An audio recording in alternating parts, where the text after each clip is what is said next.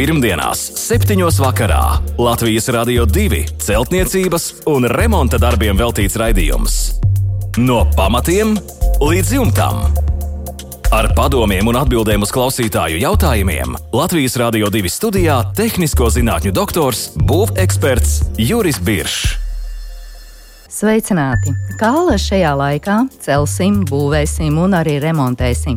Studijā Inese un vērtīgus padomus jums sniegs un uz jūsu jautājumiem atbildēs būveksperts, tehnisko zinātņu doktors Juris Biršs. Labvakar, Biršs kungs! Labvakar! Jautājumu daudz, sāksim darbu! Mantota veca māja mums raksta Jānis. Pusē mājas nav pamatu, tos gribam ieliet. Māja gan atrodas pie jūras kāpu zonām vai zem pamatiem ir nepieciešama šķembu kārta, un vai pietiktu tikai ar grāmatas slāni, jautā Jānis. Tur, kur mājai pamati saglabājušies, nav ne šķembu, ne grāmatas. Un vēl viens jautājums. Vai ekstrudēto putu plastu pie pamatu liešanas var izmantot kā veidni, lai vēlāk pie pamatu siltināšanas nebūtu jālīmē? Sāksim ar pirmo jautājumu. Kā tur ar tiem pamatiem jūras smilts? Jā, nu, godīgi sakot, pacentīsim ļoti maz informācijas. Ja. Vajadzētu jau zināt, pateikt, no kādas ēkas ir būvēts, no, Jā. no, no ķieģeļiem, blokiem vai koku, vai nu, kā, kas tās ir. Tā jau daudz ka varētu mazliet precīzāk. Jā, jā, bet jautājumu Jānis uzdod, kā veidot šos tajā daļā, kur nav pamata, kā viņus silēt. Viņš, viņam jau ir skaidrs. Un tāpēc es vienkārši atbildēšu uz konkrētiem jautājumiem. Tātad, vai ir nepieciešams šķēmu, vai pietiek ar grāmatu slāni? Godīgi sakot, mīļie eh, klausītāji, nevajag ne šķēmas, ne granti nevajag. Ja? Parasti kā mēs darām, mēs vienkārši izrokam pamatus, nu, tā lai būtu zemāk par mm, sasaluma līmeni. Un par cik nu, lentveida pamatu, ja viņas visas tagad piegāzīsim pilnu ar betonu, tas ir milzīgs patēriņš. Lai mēs samazinātu šo betonu daudzumu, mēs iebērām iekšā šķembas, noblīvējam. Un tad liekam mitruma barjeru, un tad liekam virsū savu betonu. Mēs it kā pagarinām šo betonu slāni zem grunts ar šķēmu palīdzību. Ja? Mm -hmm. Tas nav obligāti šajā gadījumā. Šajā gadījumā, kā to pierāda arī esošā vieta, tur īpaši nekādas vajadzības nav ne šķembām, ne grantiem. Ja? Tas ir vienkārši ir jā, jābūt galvenais ir zemāk par sasalumu līmeni. Nu jā, tas jau atšķirās jā. no klimatiskās zonas, kā kurā vietā. Kā kurā vietā? Nu, Latvijā vidēji mēs sakām, vienmēr metrs, metrs desmit, tā jau praktiski ir droši. Ir droši mm. ja? Un tagad otrs jautājums ar ekstrādēto putu plastu. Nu, redziet, atkal, mēs nezinām, cik tā māja ir liela, no kāda materiāla viņa taisīta, no tāda krēsla ir pamata. Vai viņai ir pagrabi vai nav? Ja viņai nav ne pagraba, un viņa tiek pieņemsim no koka taisīta, slodze neliela, un teiksim, tur maksimums nepilns 100 tonnas uz, uz visu mājas, kas ir nu, galīgi niecīgs svars. Tātad tiem pamatiem jā, nav nekam briesmīgam jābūt. Un otram kārtām, pieši kā viņus siltināt uz pamats. Ja jums ir īpašas nolūki, pagrabos turēt kaut ko tādu, nu, varbūt saprast, tad varētu būt siltināt viņus. Jo atceramies vienu no pamatiem uh, uz augšu. Ja apmēram 10-15 centimetri sākās tīrās grīdas. Nu, teiksim, no, no, nevis no pamatiem, bet no tur, kur pamati beidzās un sākās cokols. Ja, Jā, cokols savienojuma vieta. Jā, Un no šīs vietas, 10, 15 centimetrus augšā, sākās tīrā grīda. Tā, tie pamati tur lejā zem, kas palikuši mums zem grunts, nu viņi absolūti neprasa nekādu siltināšanu. Tas ir vienkārši materiāla pārtēriņš. Viņš mums neko nedod. Siltināt jau var, bet nekādu labumu tas nedod. Jā, bet šajā gadījumā arī droši vien ģeomembrāna nu, nu, nenākt. Paliek. Es saprotu, ka mēģina izmantot kā veidni, Nu, to darīt visu var. Ja mums ir brīvs mm, finansiālās iespējas, un mēs varam izmantot ekstrudētā putekļa kā veidu, nu, lūdzu, uz priekšu. Sliktāk no tā nepaliks. Mēs vienkārši pārtērējam materiālus. Un kā ar ģeomembrānu? Ģeomembrāna būtu, būtu vajadzīga. Nu, viss atkarīgs no cik, cik dziļi. Cik cik, dziļi? kāds mitrums, cik dziļi, kāda manta un tā tālāk no daudziem papildus faktoriem. Tāpēc to Jā. nemāku. Tieši pateikt, jebkurā gadījumā Latvijā uz pamatos ir vienmēr labāk likt nevis hidroizolācija, bet e, vertikālo drenāžu. Mm -hmm.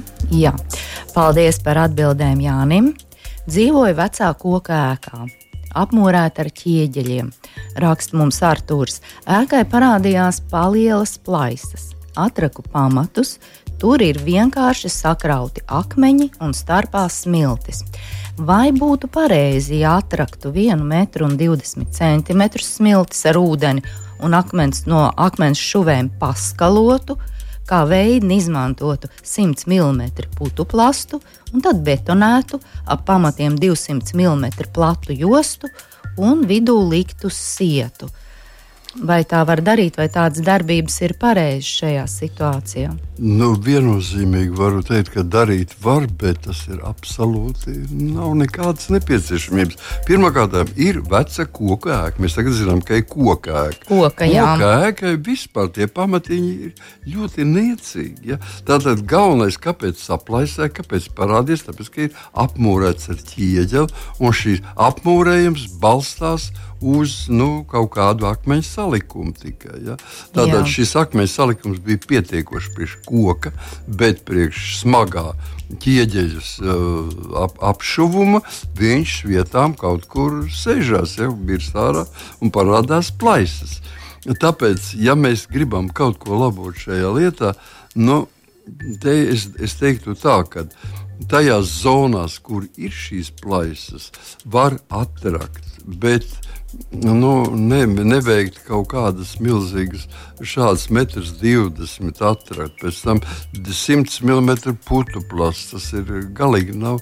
Viņš neko nedos. Atkal šie, šie pamati tiks siltināti. Nu, jūs sagatavojat pamatus apmēram priekš piecstāvīgas ēkas, un, un, un praktiski to nekad neizmantosiet. Ja? Tā kā Un kā rīkoties? Nē, es vienkārši saku, tajās vietās, kur ir palielas plaisas, mēs varam at, at, atrakt šos pamatus. Šajā vietā mēs varam viņus paskatīties, kas tur ir sabrucis, kas tur nav sabrucis. Mēs varam paremontēt, mēs varam piemest nu, teiksim, tās zonas, vietas, kur ūdens paskalojas, ja, ja izliekas, ka izbirušas smilts. Mēs varam viņus atjaunot javas kārtu, varam, bet tikai tajās vietās, kur ir šīs plaisas. Jo visai ēkai riņķei es neticu, ka arī nepārtraukt plaisu pie plaisas. Būs zonas, kurās nu, ir vājāks vienkārši, kur, ne, kur šis apšums neturās. Mm -hmm. Un viss ar to praktiski ir. Viss tas 100 metrīgais putu plasta daudzums, 200 mm plata betona josta. To visu var darīt ar vienu nolūku. Esmu pilnīgi mierīgs. Mēs uzbūvējam jaunu ēkriņķi. Esošai ēkai uz šiem 200 mm platās joslas mēs varam būvēt, no mums paliks liela ēka. Mēs varam paplašināt viņu. Un iekšpusē pēc tam nojaukt noslēgā. Nu, jā, arī tāda, Tad jā, arī bet- tāda Jā, iespēja. bet nu, ir. pie kā mums ir vajadzīgi uz ārpus stāvoši milzīgi pamati. Nu, tie ir lieli pārtēriņi. Pie Jā, tam mums ir koka ēka, kas stāvēs vienmēr stabili un locīsies un grozīsies, bet uz nelieliem pamatiem.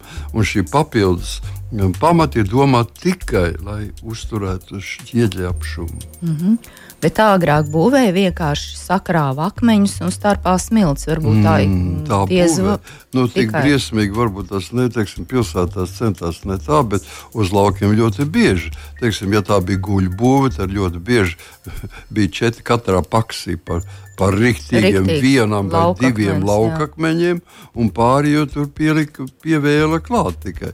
Ļoti daudz ēkas arī Rīgas centrā, sešas sešstāvīgās ēkas ir zalikts uz akmens tādiem, nu, teiktu, kad ie- ienā ieiet pagrab pusē, tad matceļā stāvs, liekas, ka viņi tik, tik sal, arī ir deni salikt ir.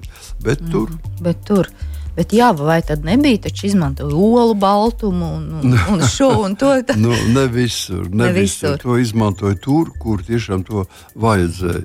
Nu, mm -hmm. Tāpēc nu, kāda jēga tam teiksim, kaut kādai individuālai mājai likt uz olas, sapūšu Nu, jā. pie. Liek tērēties, Jā, nu, jā. lai dabūtu vienkārši plastifikējušas īpašības. Jā, paldies par atbildi Arturam. Aigars mums raksta, un Aigars ir pievienojis arī fotoattēlu. Vēstules skan šādi. Mājas ārpusē gāzbetona bloki ir sasprāgājuši, un tas fotoattēlā ir uzskatāmi redzams, bet iekšpusē bloki ir veseli. Un Aigara jautājums ir šāds, kādi tam ir iemesli, ko darīt, kā rīkoties, un vai vispār ir iespējams tos glābt? Nu, Kā tas tā nākas? Jā, jautājumi vesela rinda, Jā. bet nu, atbildēsim ļoti, ļoti tā sakot, precīzi par šajā gadījumā.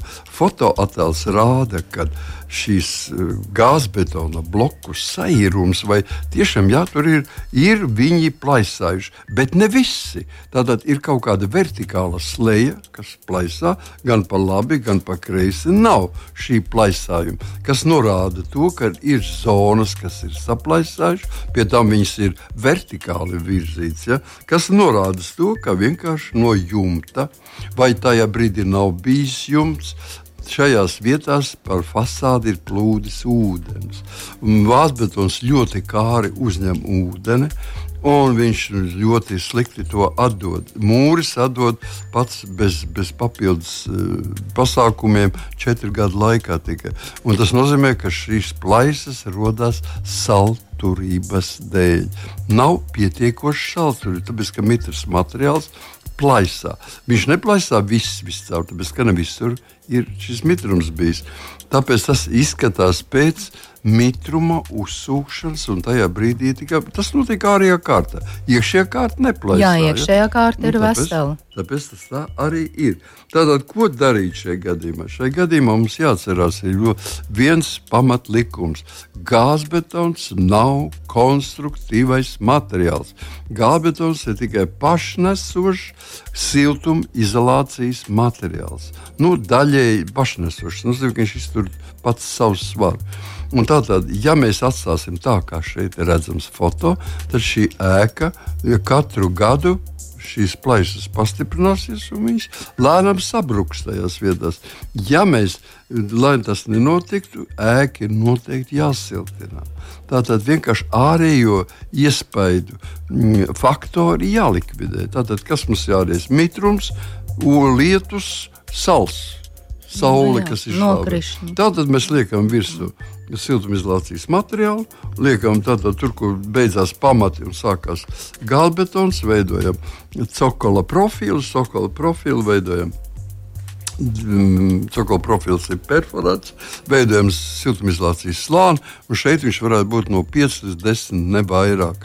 Tātad plānā kārtā, un viņš mums aizsargās. Pēc tam, protams, viņš ir vai nu jāapšuj ar kādu no apšos materiāliem, vai viņš ir jāapmet ja, un jākrāso.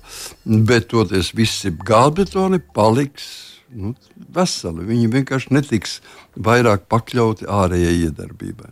Nu jā, es saprotu, ka šī ārējā iedarbība pēc iespējas ātrāk ir jālikvidē, jo Jā. tas turpinās, tas iet plašumā, Nu, kā tas jūs jau minējāt. aina, kas ir redzama, nenozīmē, ka tas jādara tūlīt šodien. ir, Nu, bet, teiksim, eh, es teiktu, pēc diviem gadiem skats būs jau nepatīkams. Nu, tomēr ar to ir jārēķinās. Ar to jārēķinās. Jā. Paldies par atbildi Aigaram. Pirmdienās, 7. vakarā Latvijas Rādio 2 celtniecības un remonta darbiem veltīts raidījums.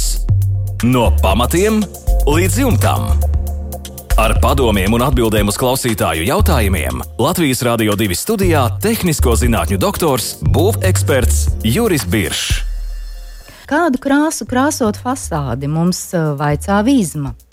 Tā ir siltināta ar siltumizolācijas plāksnēm, kuru dekoratīvais slānis sastāv no cementa, kvarca smiltīm un stiegrošanas fibrošķiedras. Jā, nu, katrā gadījumā eh, vismaz materiālu mēs zinām. Jā, tāda fasāde no minerāla apmetuma uz uh, cementa bāzes, tad viņš ir skaitās arī elpojošs, savā ziņā, normāls elpojošs materiāls. Nu, varētu būt uh, cementā vēl klāt mazliet, nedaudz vēl klāt kaļķītis, tā jau būtu pavisam patīkami, jo vienmēr jācenšas, lai, lai dekoratīvais sastāvs, vienalga, kas ir apmetums vai krāsojums, vienalga, kas būtu, viņš būtu maksimāli ūdens, tvaiku un gaisa caurlaidīgs. Jo visi tie uh, kondensējušie procesi, kas veido Latvijas apstākļos mitrumu, kas parādīsies siltumizolācijas slānī, jebkurā gadījumā viņš tur būs. Visi viņi centīsies iet uz ārā. Ja mēs viņu aizliedzam viņiem iet uz ārā, nu, tad mēs dabūjam problēmas.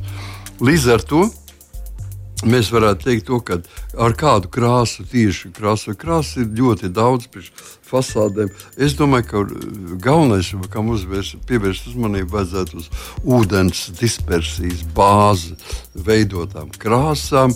Tas nozīmē tātad uz eh, lateks, sintētiskā lateks bāzes veidotām krāsām, kas dod pietiekošu ūdens tvaiku caurlaidību un, un, un krāsu gama ir veikalos vienkārši fantastiski daudz. Nu, izvēles iespējas izvēles ir lielas. Iespējas ir ļoti lielas.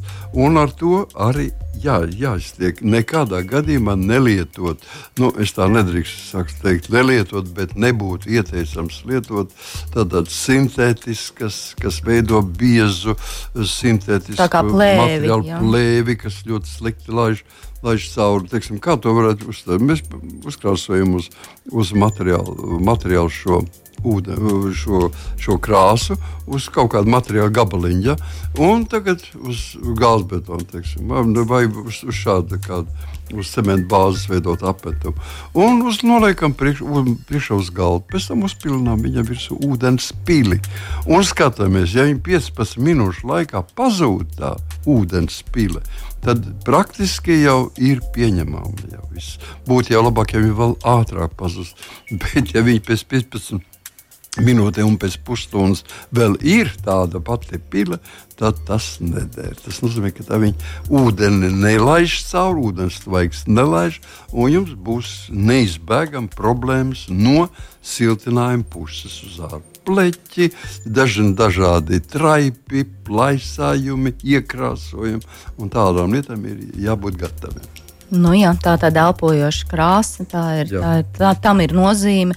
Man vienmēr bija kungs tā mazliet skumīgi paliek, ka veikalā, ja tu pērc tādu nu, liels, tas ir liels apjoms.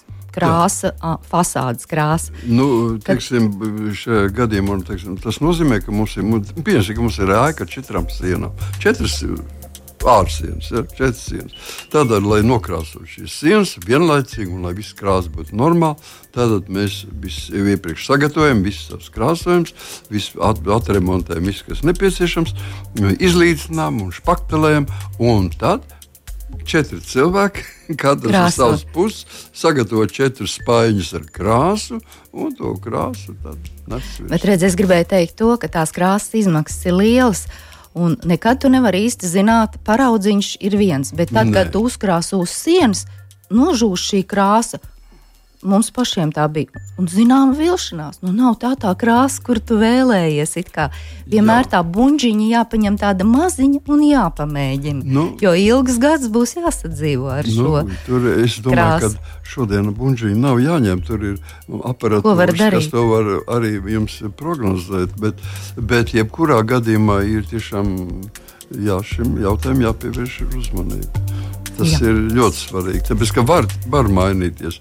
Bet, uh, īstenībā arī katrai krāsai jāpērk ir firmu krāsas.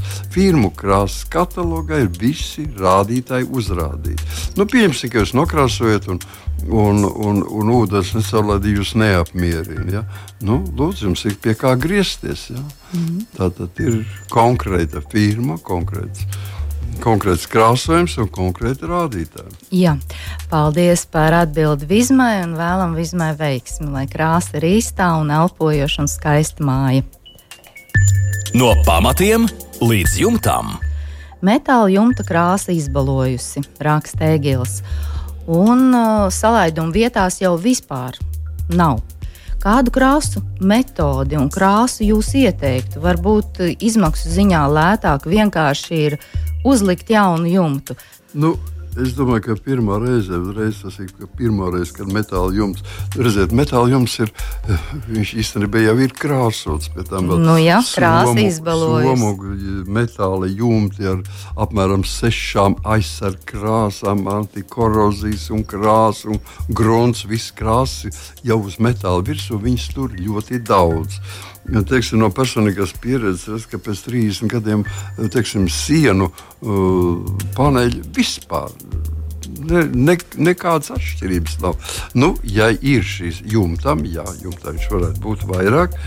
Un, teiksim, ja ir parādās šīs, šīs uh, vietas, nu, te ir vairākas metodas. Jā, te vajadzētu griezties pie jumta licējiem un noskaidrot, kas mums tuvāk un kādas metodas varētu būt. Jo, redziet, sākot vienkāršākais, ka ņemam un vēlreiz notīram jumtu un nokrāsojam ar jumta krāsu.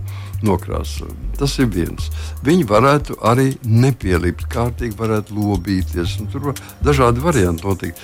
Pie tam jāskatās, kurā brīdī, vai no rīta jūs krāsojat, kad augšā um, jumta segums ir mazliet. Uh, nu, teiksim, kondensācijas jā, jā, mit, no rīta veidojas. Tas ir pilnīgi kas cits, to nedrīkst pieļaut. Ja? Tad krāsojumi jumtu tad, kad viņš ir sauss.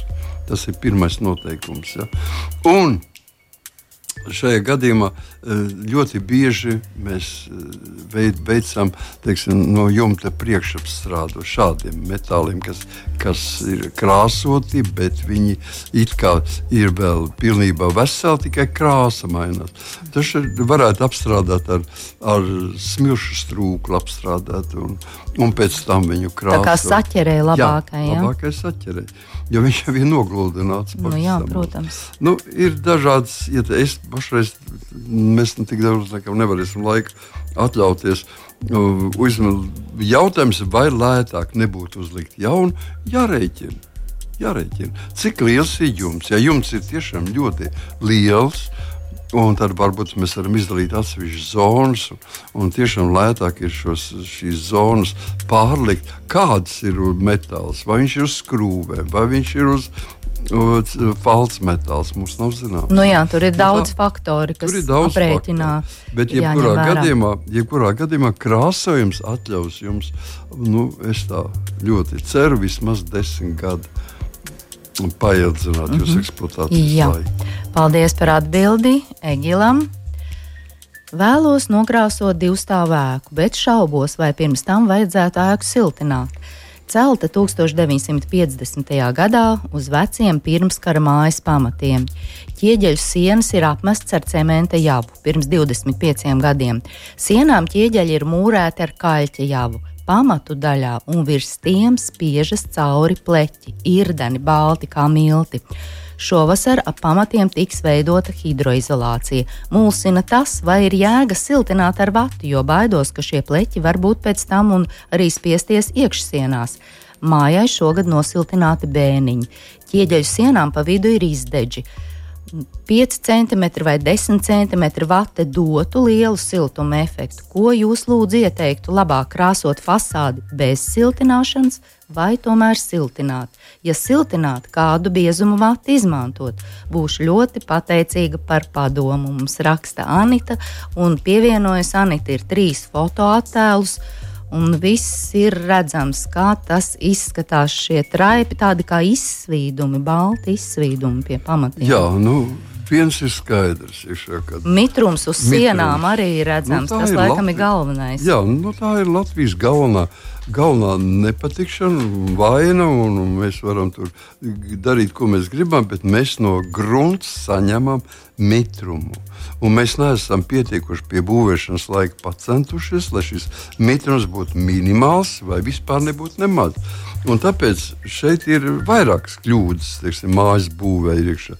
Bet vispirms varbūt pateiksim to pamatjautājumu. Pamatjautājums ir, cilvēki tomēr grib mūrēt. Nu, 50 50. gads. Es domāju, ka ja ir uzmūrēta vismaz divi ar pusi ķieģeļa biezuma, būtu pateikts, tas ķieģeļa biezums.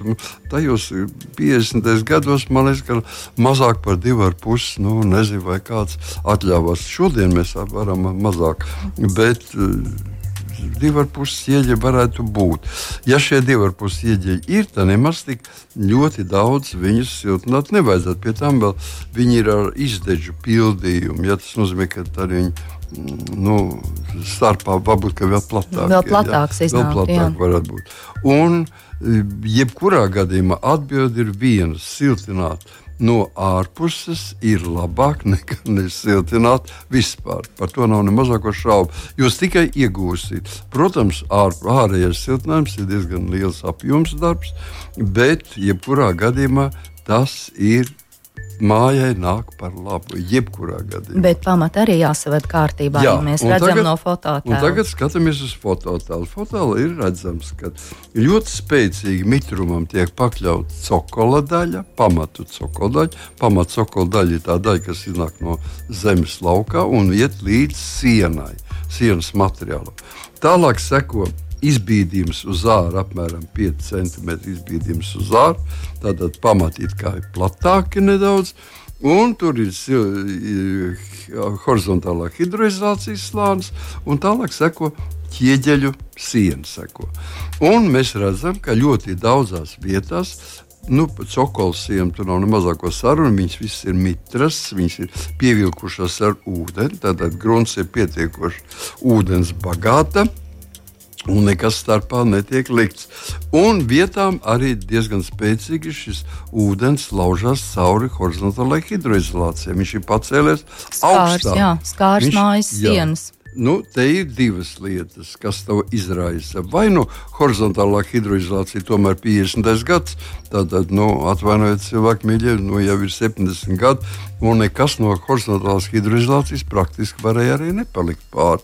Tad viņš laiž cauri, vai arī, redziet, mums ir jāskatās, ka lietus nokrišņi atsitās pret šo izvirzīto ārējo maliņu. Mm -hmm. Un ietek, un tā izvirzītā maliņa bieži vien ir līdzena, ja? un viņa tek uz sienas puses, un tas ir papildus mitrums. Tātad šīs izvirzījuma vieta, vietā obligāti jāsaka Anitai, ja mēs negribam neko darīt, jeb arī vienkārši siltinām sienu, tad izvirzījumam pāri mēs taisām tādu trīsstūrīti ar jau piesmērēm, un ir skārda. Nu, tāds zega. profiliņš kā jumtiņš. Jā, tāds jumtiņš ir, kas ir pāri lielāks. Tātad, nu, un, ja mēs teiksim, pielietosim 10 cm vai 7 cm akmens vati, tad šī dzega būs vēl tālāk nedaudz. Mm Ar pārkaru, jā. jā. Un virs viņas būs uh, cokola profils priekš siltinājuma. Bet, ja mēs netaisām neko, tad mums jābūt šai, šim, uh, šim nu, dzegai tik un tā no metāla. Jā, vienalga. Jā, tas ir viens. Ja mēs uh, domāsim siltināt, tad jebkurā gadījumā likvidējās visi tie mitrumi, kas ir ārpusē. Redzam, tagad augstāk par cokola līmeni, un nu, viņu, viņu vienkārši nebūs. Bet uz leju, no tur man ir mazliet Anitu jābrīdina. Anita raksta, ka šovasar ap pamatiem tiks veidot hidroizolācija. Hidroizolācija Latvijā nav tas labākais risinājums. Tātad ap pamatiem vajadzētu hidroizolācijas vietā likt vertikālo drenāžu ar telpiskas geomembrānas palīdzību. Un tātad līdz 5 cm augstāk par zemes līmeni mēs liekam klāt šo membrānu un viņi, nu, jā, nu, tātad viņi atdala, atdala mums to pasargā no šī mitruma, jā, no gruntsūdeņa mitruma. Jā. Tātad divi lieli, lieli darbi, kam būtu jāpievērš uzmanība. Paldies par atbildi uz jautājumiem. Līdz ar to šovakar raidījums izskan. Būsim atkal ēterā pēc nedēļas. Rakstiet, sūtiet jautājumus būvekspertam. Mūsu e-pasta adrese remonds at lr2.lv. Jautājums varat iesūtīt arī caur Latvijas Rādio 2 mājaslapu. Un esam arī populārākajās raidierakstu straumēšanas vietnēs. Šodien liels paldies par kopā būšanu, lai mums visiem jauks un mierīgs vakars! Tiekamies pēc nedēļas. Visu labu! Pirmdienās, 7. vakarā Latvijas Rādio 2 celtniecības un remonta darbiem veltīts raidījums. No pamatiem līdz jumtam. Ar padomiem un atbildēm uz klausītāju jautājumiem Latvijas Rādio 2 studijā - tehnisko zinātņu doktors, būveksperts Juris Biršs.